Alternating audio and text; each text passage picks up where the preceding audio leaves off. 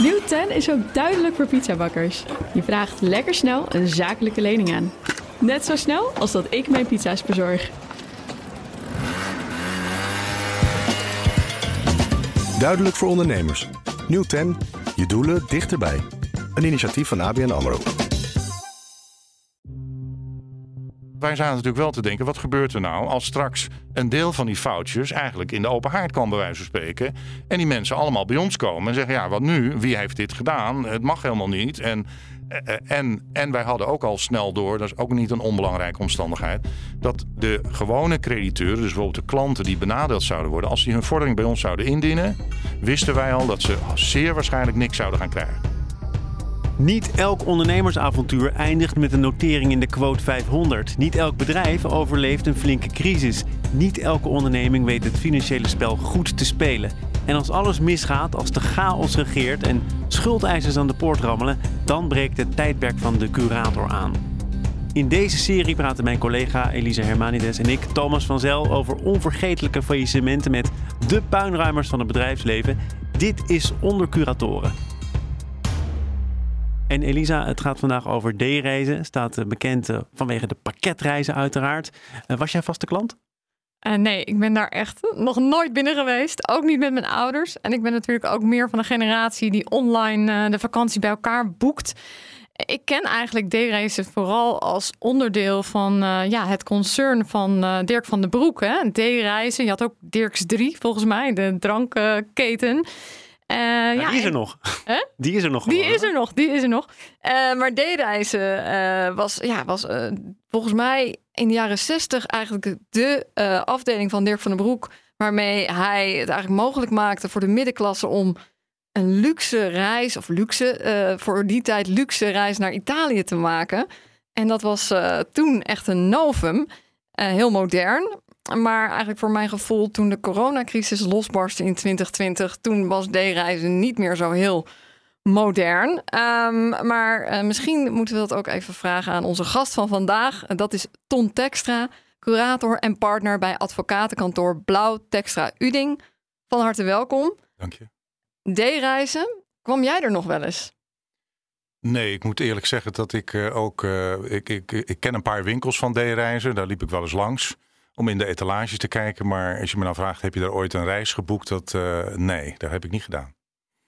D-reizen uh, ging op een gegeven moment failliet. Um, maar jij raakte eigenlijk al veel eerder betrokken bij D-reizen. In november 2020 al. Hoe ging dat? Ja, dat, dat klopt. Uh, wij werden ehm, door de rechtbank Noord-Holland en Haarlem werden we benaderd omdat er een behoefte was aan wat ze toen noemden een stille bewindvoering bij D-reizen.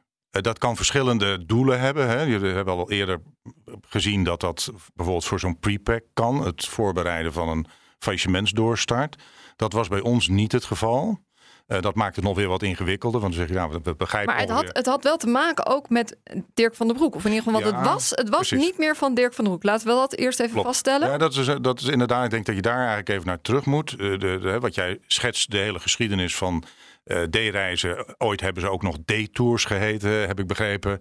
En kon je gewoon zegeltjes, uh, kon je met zegeltjes sparen voor een reis. Zo is dat ooit begonnen in de jaren 60 in de Kinkerstraat met uh, Van den Broek. Maar in 2014 heeft, zeg maar even, de, de, de familie Van den Broek het belang in D-reizen verkocht aan een Duits bedrijf, een vrij groot Duits bedrijf, RTG, de Raiffeisen Tourist Group. Dat ja. is in 2014 gebeurd. Maar uh, het was, uh, op dat moment ging het niet heel erg goed bij uh, D-reizen. En toen heeft um, de familie gezegd, nou wij geven een soort, ja ik noem het maar even, uitvaartfinanciering. Dus dan zeggen we, nou wij laten er nog geld in zitten, een lening. Want dat was in 2014 was dat toen 10 miljoen euro. En op die manier heeft zeg maar de familie van de Broek afscheid genomen van het belang in D-rij. Maar in de ideale wereld kom je er dan uit zonder dat er een curator moet worden aangesteld of een stille bewindvoerder. Nee, Blijkbaar dat, liep dat hier toch wat minder gespeeld. Jawel, maar toen wa- zaten we natuurlijk al in uh, november 2020. Toen was uh, corona al uh, toegeslagen in, in maart 2020. En vanaf dat moment is er eigenlijk geen relevante reisomzet meer gerealiseerd. Dus er kwam geen geld meer binnen. Hè? Even in ieder geval niet op, op basis van reisinkomsten. en uh, toen uh, is D-reizen gaan praten met uh, de familie van de Broek. Dat is overigens dat is niet de familie zelf die het geleend had, maar dat gaat via een stichting. Stichting Uniconsult heet die. En die Stichting Uniconsult, daar zeiden ze tegen van ja, het gaat eigenlijk, we hebben het zo zwaar nu. We moeten overleven.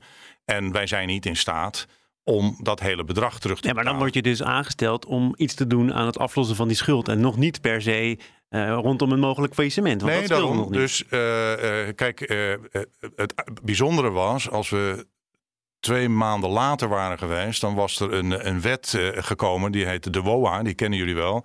De Wet Homologatie Onderhands Akkoord. En die had het nou juist mogelijk gemaakt om juist dwarsliggende crediteuren mee te kunnen nemen in zo'n akkoord. Ja, want je hebt geen unanimiteit meer nodig. Precies, dan kun je dat met twee derde doen. Nou, dat is een hele techniek. Maar dat had hier op zichzelf ook mogelijk geweest, waar het niet dat het te lang duurde voordat die wet kon worden gebruikt. Maar die WOA, die pre-WOA eigenlijk, ja. die mislukte helaas. En ja. toen zijn jullie ook echt gestopt, hè? Zijn jullie echt ja, daar dat weggegaan? Klopt. Dat klopt. En toen zaten jullie er buiten, maar toen heb je wel geobserveerd, neem ik aan, van buiten dat er een nou ja, management buyout ja, kwam. Dus wij hebben in de tussentijd verder helemaal geen contact meer gehad met de onderneming. Hoewel we natuurlijk wel de mensen inmiddels kenden. Dat had wel zijn voordeel. Maar dat komt dan later in de, in de faillissementsfase natuurlijk aan de orde. Want je bent wel vier weken eigenlijk op het hoofdkantoor geweest. Niet, niet per se dagelijks, maar zijn er wel veel geweest. Was overigens een lockdown situatie. Dus wij konden als stille bewindvoerders ja. hebben niet veel mensen ons gezien, omdat de meeste mensen toch vanaf huis werkten. De winkels ook bijna altijd dicht waren. Dat was natuurlijk ook in de tussen die 280 winkels, die waren dicht. Dus ja. er gebeurde misschien wat online, maar nou, wat jij, wat jij vroeg, Elisa, is ja, wij hebben natuurlijk wel de publiciteit met extra belangstelling gevolgd. Van wat gebeurt er nu met D-reizen. Ja. En gezien dat er een, een management buyout was eind Ja. december. Maar verder hebben wij geen andere informatie gehad dan, dan jullie toen hadden. Als jullie Nee, precies. Maar dan zie je van de buitenkant dat dat eh, gebeurt, die management buyout. Ja. Ehm, maar op een gegeven moment word je dan denk ik toch weer in april, meen ik, gebeld. Dus twee, Oh, jaar, twee jaar geleden, eigenlijk vlak voor de paasdagen toen, werden we op vrijdag eh, door de rechtbank gebeld. En die zeiden wij gaan volgende week dinsdag, dus eh, na de eh, tweede paasdag, gaan wij alsnog het faillissement van D-reizen uitspreken. En kunnen jullie daar nog steeds een positie hebben, maar dit keer als curator? Nou, wij zagen geen belemmering vanuit onze eerdere positie als stille bewindvoerder. Sterker- stond je ervan te Ja. kijken? Want je had ook gehoord over die management buyout. En dan denk je, dan zijn er dus twee ondernemers die denken, nou, hier zit nog wat, eh, hier zit nog een onderneming in. Ja. En niet Ja. veel later eh, krijg jij dat telefoontje. Nou ja, kijk, wat er volgens mij daarna, hè, die buy-out, die is volgens mij gewoon meegedeeld. Zonder dat daar precies van gezegd is. Wel wel gezegd, er is een nieuwe eigenaar. En, eh, en overigens, dat was de, de directie natuurlijk toen, hè, die eigenlijk de aandelen overnam. Maar daarna is er nog publiciteit gekomen. Dat hebben we wel gevolgd. Over dat eh voucherfonds. Over de vraag of de uitgegeven vouchers door, door D-reizen. Totaal ongeveer 40 miljoen euro stond eruit. Dat wisten wij uit dat eerdere stille bewindvoeringstijd. Of die door zou kunnen worden her, geherfinancierd via het voucherfonds. En, en daarvoor, om dat te begrijpen, moeten we Ja. even eh, terug naar even het bedrijfsmodel van D-reizen. Want D-reizen verkocht eigen vakanties, maar ze verkochten ook grotendeels eigenlijk andermans vakanties. Ja, toch? vooral andermans vakanties. Ja. Ze waren voor sommige dossiers zelf organisator, zoals dat dan heet, reisorganisator. Maar eh het merendeel deden ze voor, tour voor andere touroperators. Dus dan ben je reisagent, toch? TUI, Corendon, eh TUI was bijvoorbeeld een derde van de reisomzet ging met reizen van TUI bijvoorbeeld. Voucherfonds. Dan, nu zijn we helemaal terug. Nu zitten we midden in die lockdown. Hè? Ik bedoel, als je het daarover hebt. Ik, ik herinner me in ieder geval als journalist ook dat dat dagelijks in de krant stond. En dat er ook heel veel geharrewar was over wie er dan aanspraak maakte op zo'n voucherfonds. En wie dat dan bestierde. En wie daar dan de voorwaarden over opstelde. Precies. Ja. Eh, en dat is ook een beetje toch de, de kiem van de, van de problemen. Hè? Maak je er aanspraak op of niet? Ja, Hoe was klopt. de situatie in eerste instantie voor eh, D-reizen? Nou ja, wij wisten eh, niet beter toen wij in november 2020 daar waren, dat daar een, voor zeg maar 40 miljoen euro aan foutjes was uitgegeven aan klanten. Eh, en dat, eh, dat er eh, deels een klant doet een aanbetaling voor een reis. En die aanbetaling komt dan in principe bij de reisagent binnen. En die stort dat normaal gesproken door naar de tour operator. Want die tour operator moet zorgen dat er aanbetaald wordt op de hotels en noem het allemaal maar op. Ehm, en toen was, en ons was gezegd, in maart 2020, uh, het, het coronamoment, hebben wij de gelden die we nog binnen hadden, hebben wij niet meer doorgestort naar de tour operators, maar die hebben we deels onder ons gehouden. En hoe was dat toen je in april 2021 weer terugkwam? Hoe was toen de situatie? Nou, toen, toen stonden die foutjes nog wel uit. Alleen de termijn van die foutjes, die waren voor een jaar uitgegeven. Vanaf mei, juni uh, 2020. Die verliep en die moesten, ze moesten dus worden terugbetaald.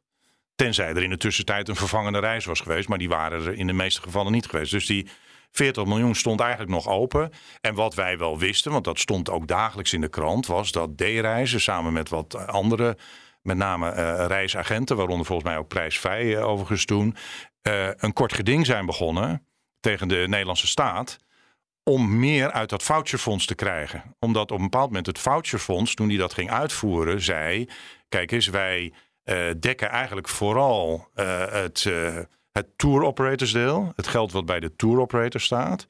Daar waren ook door die tour operators weer vouchers aan D-reizen gegeven, de zogenoemde kluisvouchers. Van luister eens, je mag voor ons deel mag je een voucher aan die klant geven, voor dat deel.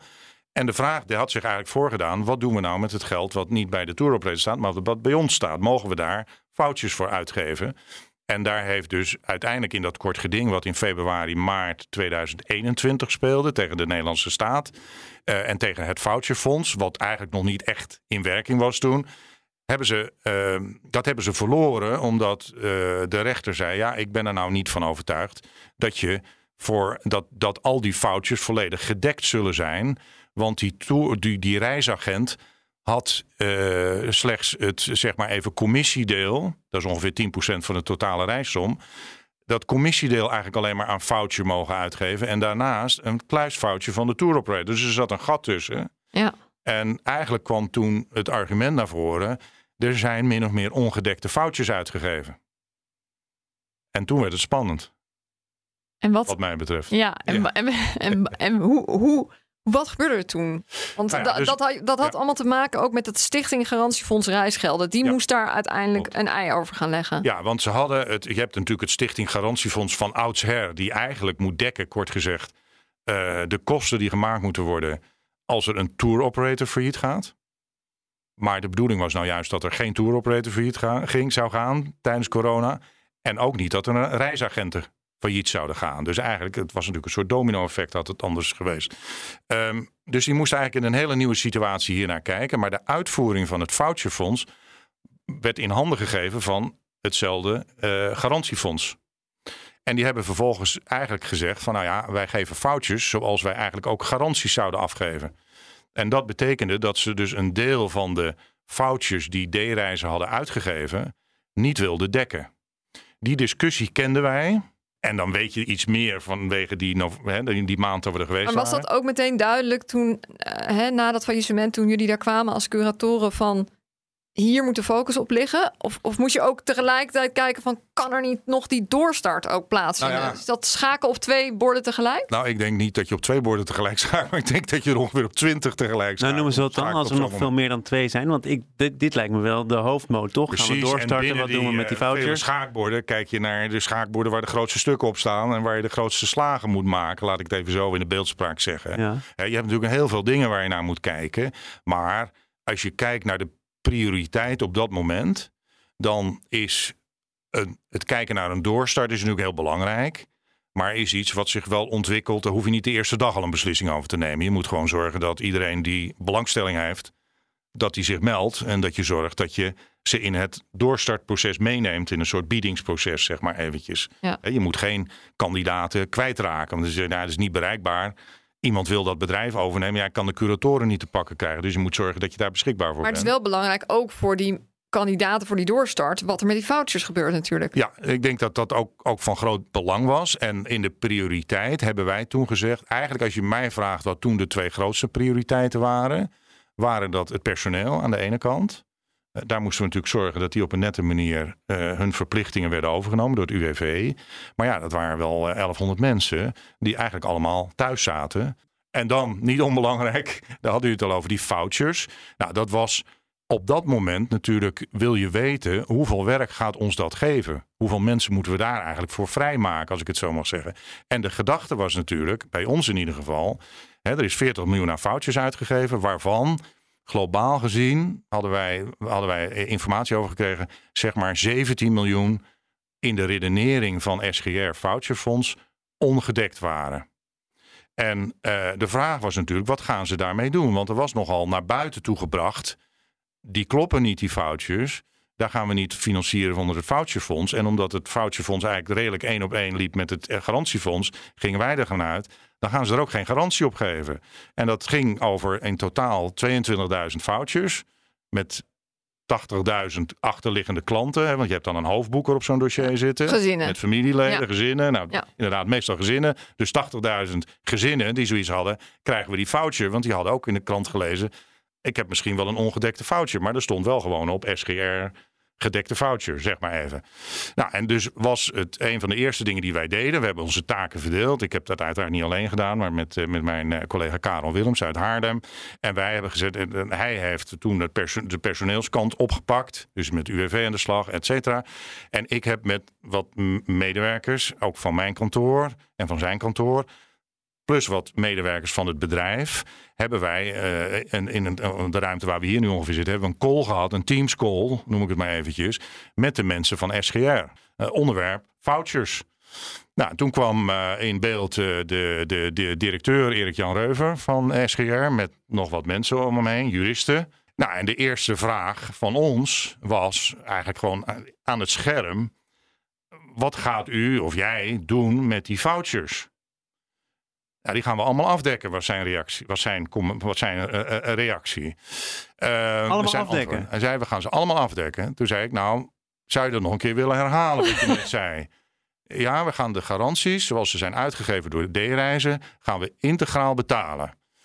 Toen zei ik, nou, dan heb ik nog twee vervolgvragen. Nou, Ik heb er eigenlijk drie. Eén vraag is, vind je het goed dat ik het straks even schriftelijk bevestig? Wat hier nu gezegd wordt? Eh, hè, voor, de, voor de record, zeg maar eventjes. Je kon het niet geloven eigenlijk. Nou ja, meer zo van, ja, dit is zo'n cruciale stap en beslissing. Daar moeten we niet over een week achter komen dat dat anders bedoeld was. Maar je zeg wilde niet in juichen uitbarsten eigenlijk. Nou, nee, nou, misschien dat ik inter, eh, eh, eh, voor mezelf al eventjes zoiets had van, eigenlijk meer een zucht van opluchting. ja. Want wij zaten natuurlijk wel te denken, wat gebeurt er nou als straks een deel van die foutjes eigenlijk in de open haard kan bij wijze van spreken.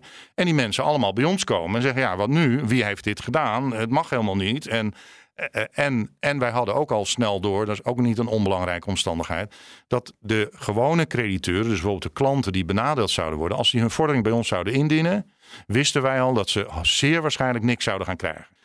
Maar op dit moment, as we speak, zijn al die foutjes uitbetaald. Dat is hartstikke mooi. Tegelijkertijd komen dan die eh geïnteresseerden voor die doorstart. Ja. Eh, nou, ten eerste, er waren heel veel kandidaten. Ik denk dat we dus iets van twintig eh, belangstellenden hadden. Partijen en ook echt eh, uit binnen- en buitenland, groot en klein. Is dat niet verbazingwekkend? Want eh, we hebben het er best wel vaak over gehad in BNR Zaken doen. Dat het eh, veel wordt opgehangen aan de coronacrisis. Maar dan wordt er meteen in een andere zin gezegd. Ja, het is ook een beetje gedateerd. Het model klopt niet meer. Ja, maar dat 20 was kennelijk toch niet zo. Dat was toch niet zo, want wij hadden ook wel vrij snel door dat in ieder geval van die 280 winkels, daar zaten echt wel winkels tussen die heel, heel rendabel waren. Waar gewoon heel veel eh, in, in, in, in- Dus ze stonden in rijen opgesteld, begrijp ik. Nee, maar wat ik ermee wil zeggen, in een, in een, eh, in een, eh, een plaats als Volendam heb je drie, ik weet niet of er er nog drie zijn, maar drie D-reizenwinkels. Waar heel veel, eigenlijk heel Volendam, gewoon die boeken ook nog niet online, kennelijk. Misschien de jongere generatie, maar die gaan allemaal naar de reiswinkel waar hun eh, familie, eh, meneer en mevrouw Jonk of hoe ze allemaal heten daar, of Veerman, die komen daar langs en die boeken gewoon. En soms betalen ze zelfs contant daar. Eh, dus daar. En dat zijn dus zeer rendabele winkels. Dus er was iets te kiezen als het ging om die doorstarten met wie Nou je ja, kijk, een, een doorstart betekent natuurlijk wel dat je eigenlijk van nul af aan kan beginnen. En een partij, kijk, er kan ook een partij komen die zegt: Ik neem de 40 meest rendabele winkels. Dan zeggen wij ja, maar oké, maar er waren er 280. 40 rendabele winkels betekent nog niet zoveel werkgelegenheid die kan worden doorgezet, toch? Dus we kijken wel hè, wie het meeste wil overnemen, wil waarschijnlijk ook het meest voor het geheel bieden. Hè, dus ik wou zeggen, er zijn dus wel echt wel 20 partijen geweest. Wij hebben toen gezegd. Laten we dan een biedingsprocedure opstarten. Hè, gewoon een, met een protocol. We hebben een dataroom ingericht. Dat was digitaal ook. Want mensen kwamen natuurlijk niet naar het kantoor om allemaal documenten te bekijken. Maar dat, die kregen dan toegang tot een eh, da digitale dataroom. En die moesten dan een bieding doen binnen een bepaalde door ons te bepaalde termijn. En dan hebben we uit de eerst zeg maar eventjes een, eh, een eh, indicatief bod, zoals het dan heet. En dan vervolgens zeiden we, nou dan halen we daar de drie beste uit. Uh, in alle opzichten. en dan gaan we door en kijken we wie daar dan als beste uitkomt.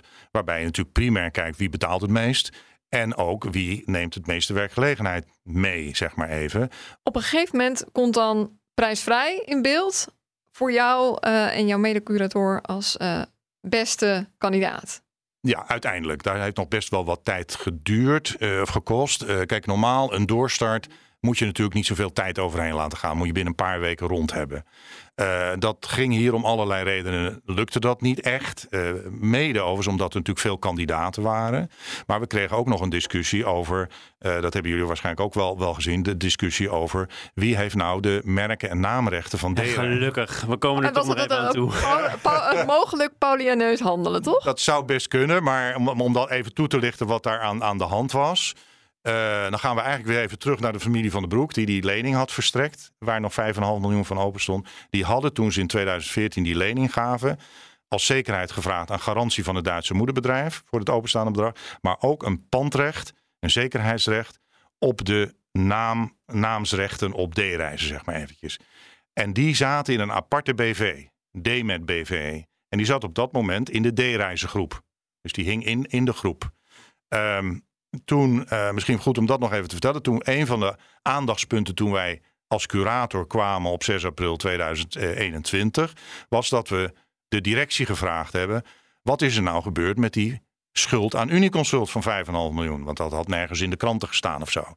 Nou, die is volledig betaald. Oh, is die volledig betaald? Terwijl er eigenlijk geprobeerd was dat voor een lager bedrag af te kopen, zoals je weet, in november 2020, wat niet gelukt was. Zeiden we, nou, die heeft de familie van de Broek hun huid duur verkocht. Om, maar dat zat er natuurlijk ook in, omdat die moeder een garantie had afgegeven. En die, ja, die hing eigenlijk voor dat bedrag. Dus zij hebben daar op een goede manier de druk opgevoerd en dat geld gekregen.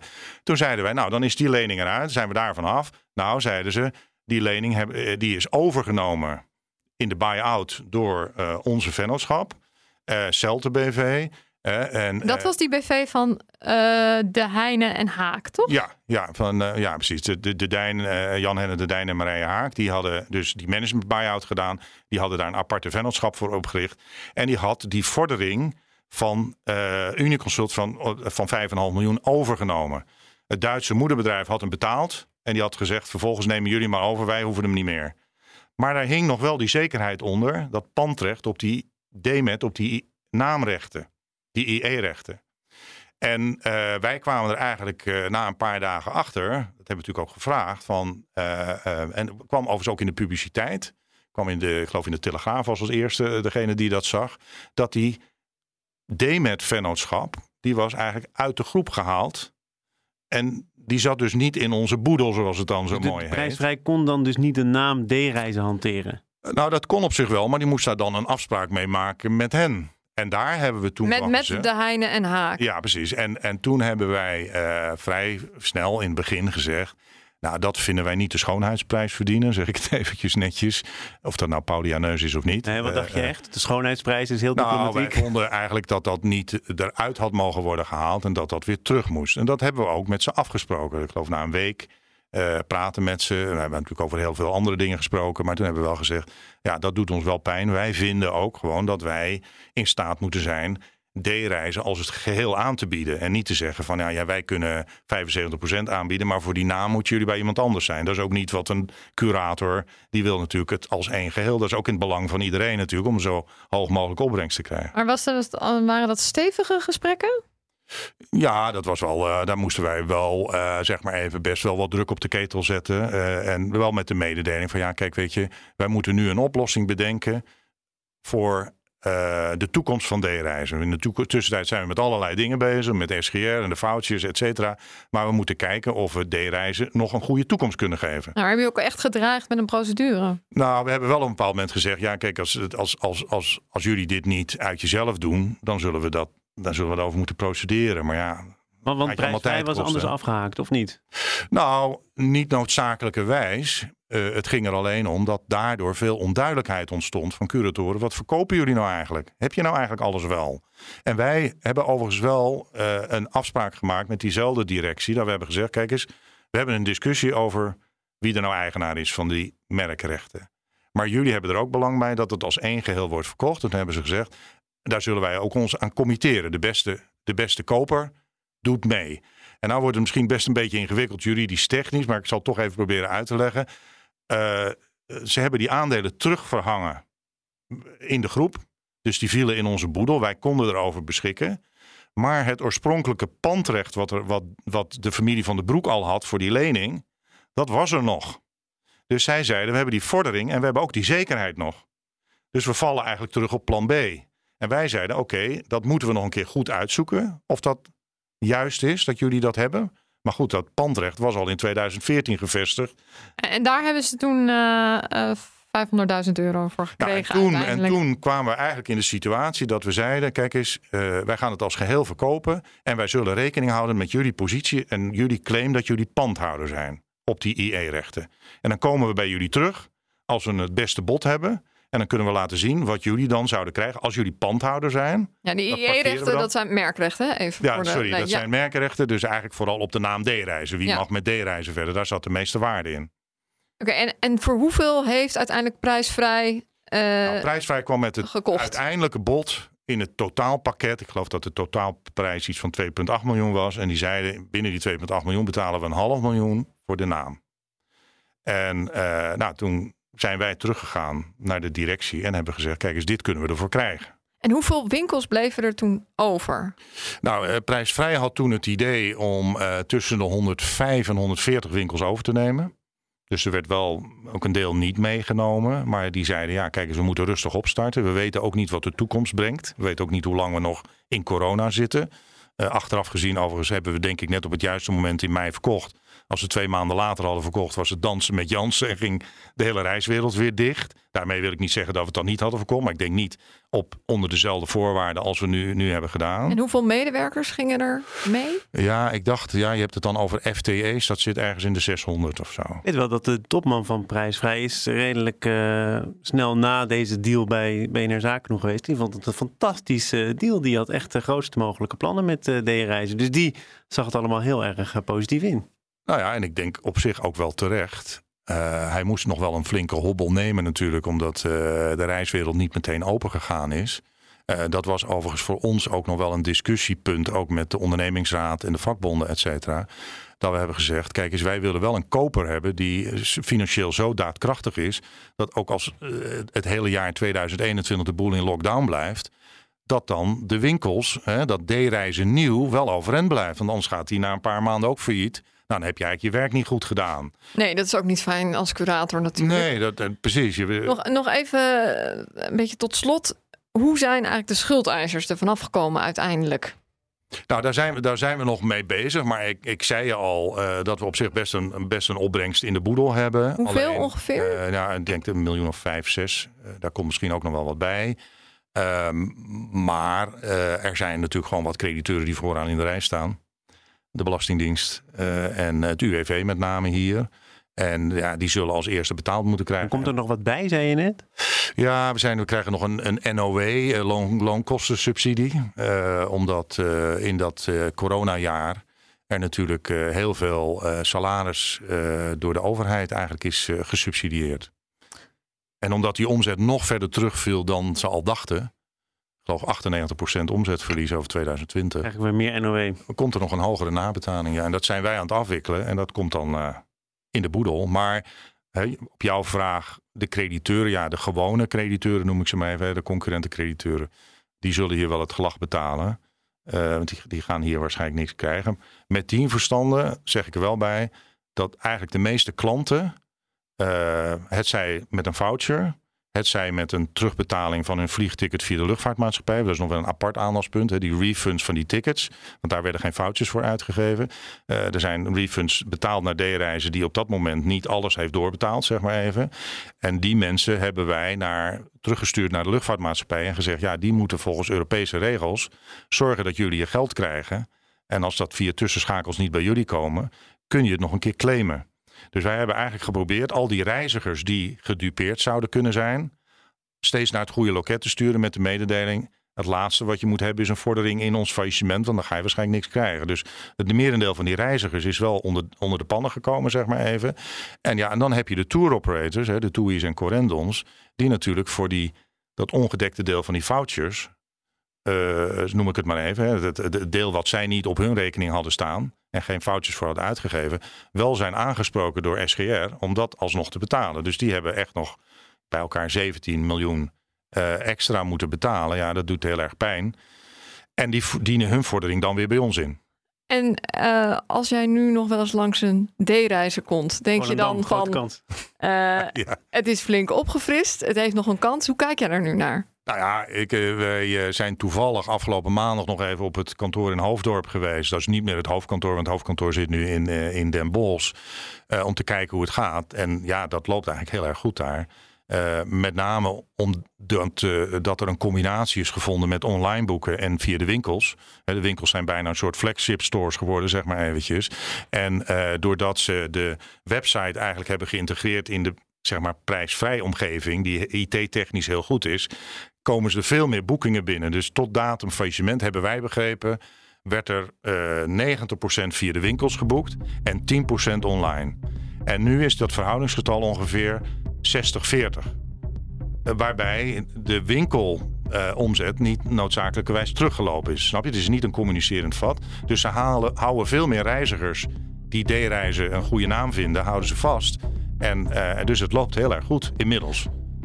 Denk ik. Maar ja. goed, dat is na mijn, dat is na mijn tijd. Hè? Ja.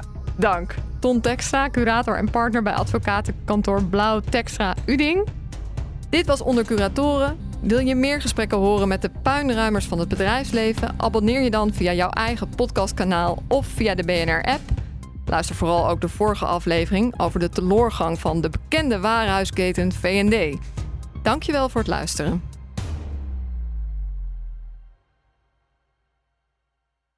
Nieuw 10 is ook duidelijk voor pizzabakkers. Je vraagt lekker snel een zakelijke lening aan. Net zo snel als dat ik mijn pizza's bezorg. Duidelijk voor ondernemers. Nieuw 10, je doelen dichterbij. Een initiatief van ABN AMRO.